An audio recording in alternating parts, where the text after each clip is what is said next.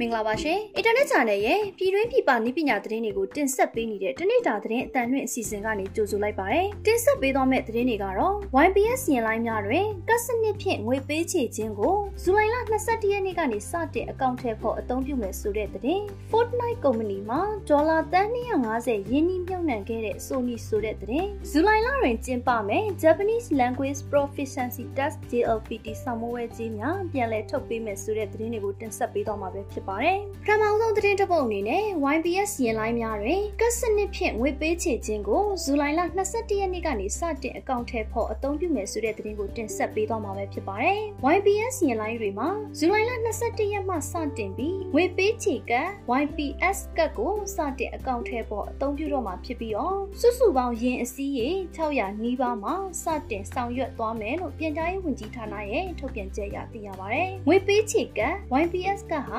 YPS စီးနစ်နဲ့ခရီးသည်တွေကြုံတွေ့နေရတဲ့အကျွေစနစ်ခက်ခဲမှုကိုလွတ်မြောက်သွားမှာဖြစ်ကြောင်း YPS ကစနစ်ကို Asia Starma ကုမ္ပဏီကအကောင့်ထဲပေါ်ဆောင်ရွက်ခွင့်ရရှိသွားတာဖြစ်ကြောင်းထုတ်ပြန်ချက်မှာပါဝင်ပါတယ်။ YPS ကရန်ကုန် Payment Service လုပ်ငန်းကိုအကောင့်ထဲပေါ်မယ်။အဆိုပါ Asia Starma ကုမ္ပဏီဟာပြီးခဲ့တဲ့2018ခုနှစ်မှာရန်ကုန်တိုင်းဒေသကြီးအစိုးရအဖွဲ့တို့တင်နာဝင်ရောက်ရှင်ပြိုင်ခဲ့ရအောင်မြင်ခဲ့ပြီးတော့2019ခုနှစ်မှာ Master Agreement ရန်ကုန်တိုင်းဒေသကြီးအစိုးရအဖွဲ့မှလက်မှတ်ရေးထိုးခဲ့ကြောင်းထုတ်ပြန်ချက်မှာပါဝင်ပါတယ်။ YBS ကကိုခီးသောပြည်သူများအတွင်ကက်များရောင်းချမှုနဲ့ငွေဖြည့်နိုင်မဲ့ဝန်ဆောင်မှုတွေကိုဇူလိုင်လ16ရက်မှစတင်လှုပ်ဆောင်နိုင်မှာဖြစ်ပြီးတော့ရန်ကုန်မြို့တွင်မိသည့် GNG ဆိုင်များတွင်မဆိုကက်တွေကိုဝယ်ယူနိုင်မှာဖြစ်တယ်လို့လည်းသိရပါတယ်။ငွေပေးချေကက်တကက်ကိုငွေကျပ်2000ဖြင့်ဝယ်ယူရမှာဖြစ်ပြီးတော့ငွေဖြည့်သွင်းရမှာအနည်းဆုံးငွေကျပ်1000မှအများဆုံးငွေကျပ်9000အထိထည့်သွင်းအသုံးပြုနိုင်မှာပဲဖြစ်ပါတယ်။ကနအူငွေကျပ်9000ဖြည့်မဲ့ဆိုပါက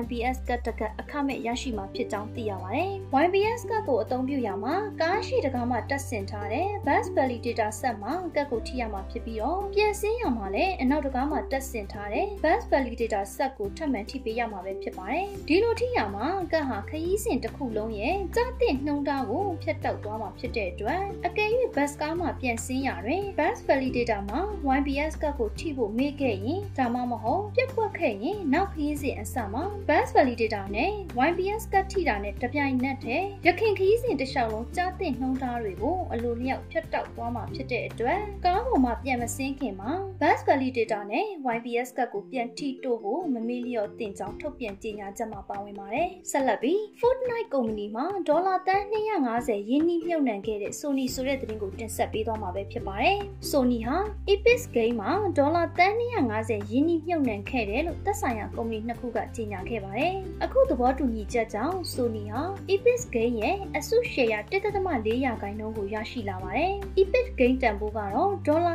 19.86ဘီလီယံရှိတယ်လို့ Ventura Beach ကဖော်ပြခဲ့ပါတယ်။ Sony နဲ့ Epic Game ပူးပေါင်းမှုက Sony ရဲ့ဖျော်ဖြေရေးအပိုင်းနဲ့နည်းပညာကိုပုံမကျပြန့်စေသလို Epic ရဲ့လူမှုဘဝဖျော်ဖြေရေး platform နဲ့ digital ecosystem ကိုသုံးစွဲသူအတွက်ထူးခြားတဲ့အတွေ့အကြုံအဖြစ်အန်တီးနိုင်တယ်လို့လည်းထုတ်ပြန်ခဲ့ပါတယ်။ Sony နဲ့ Epic တို့က Fortnite ရဲ့နာမည်ကျော် Travis Scott Concert Tour လိုမျိုး virtual အတွေ့အကြုံတွေပုံမဖန်တီးလိုတဲ့ game ရုပ်ရှင်နဲ့ဂီတပေါင်းစပ်မှုကအချိန်နဲ့တပြေးညီ 3D လူမှုအတွေ့အကြုံရည်မှန်းချက်ကိုကျွန်တော်တို့မြင်လိုပါတယ်လို့ Epic CEO ရဲ့တီထောင်သူဖြစ်သူကပြောခဲ့ပါတယ်။ Sony ရဲ့ Sony Picture နဲ့ Sony Music တို့က Epic နီလန်းကိုအသုံးပြုပြီးတော့ PlayStation ဌာနက game တွေနဲ့လက်တွဲလုပ်ကင်လာနိုင်ပါတယ်။နောက်ဆုံးသတင်းတစ်ပုဒ်အနေနဲ့ဇူလိုင်လတွင်ကျင်းပမယ် Japanese Language Proficiency Test JLPT စာမေးပွဲကြီးများပြန်လည်ထုတ်ပေးမယ်ဆိုတဲ့သတင်းကိုတင်ဆက်ပေးသွားမှာပဲဖြစ်ပါတယ်။2020ပြည့်နှစ်ဇူလိုင်လမှာကျင်းပမယ် Japanese Language Proficiency Test JLPT စာမေးပွဲကြီးတွေကို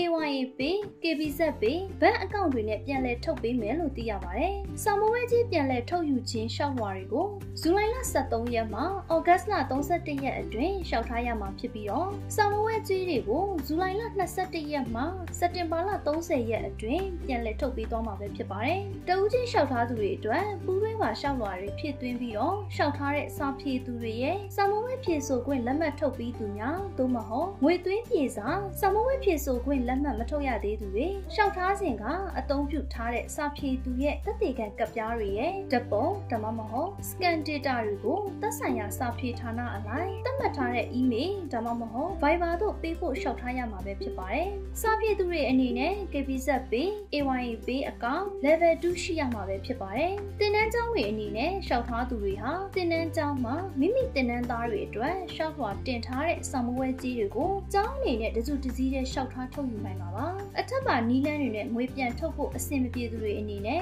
ယခုဖြစ်ပွားနေတဲ့ COVID-19 ကူးစက်ရောဂါပြန့်ပွားမှုထိန်းချုပ်နိုင်ရန်အတွက်2020ခုနှစ်အောက်တိုဘာလ1ရက်မှ2020ခုနှစ်နိုဝင်ဘာလ30ရက်အတွင်းဖုန်းဖြင့်ကြိုတင်ရက်ချိန် appointment ယူကလျှောက်ထားရမှာဖြစ်ပြီးတော့အသေးစိတ်ကိုစက်တင်ဘာလကုန်မှာထပ်မံကြီးညာပေးသွားမှာပဲဖြစ်ပါတယ်။ရှောက်ဝါတွေကို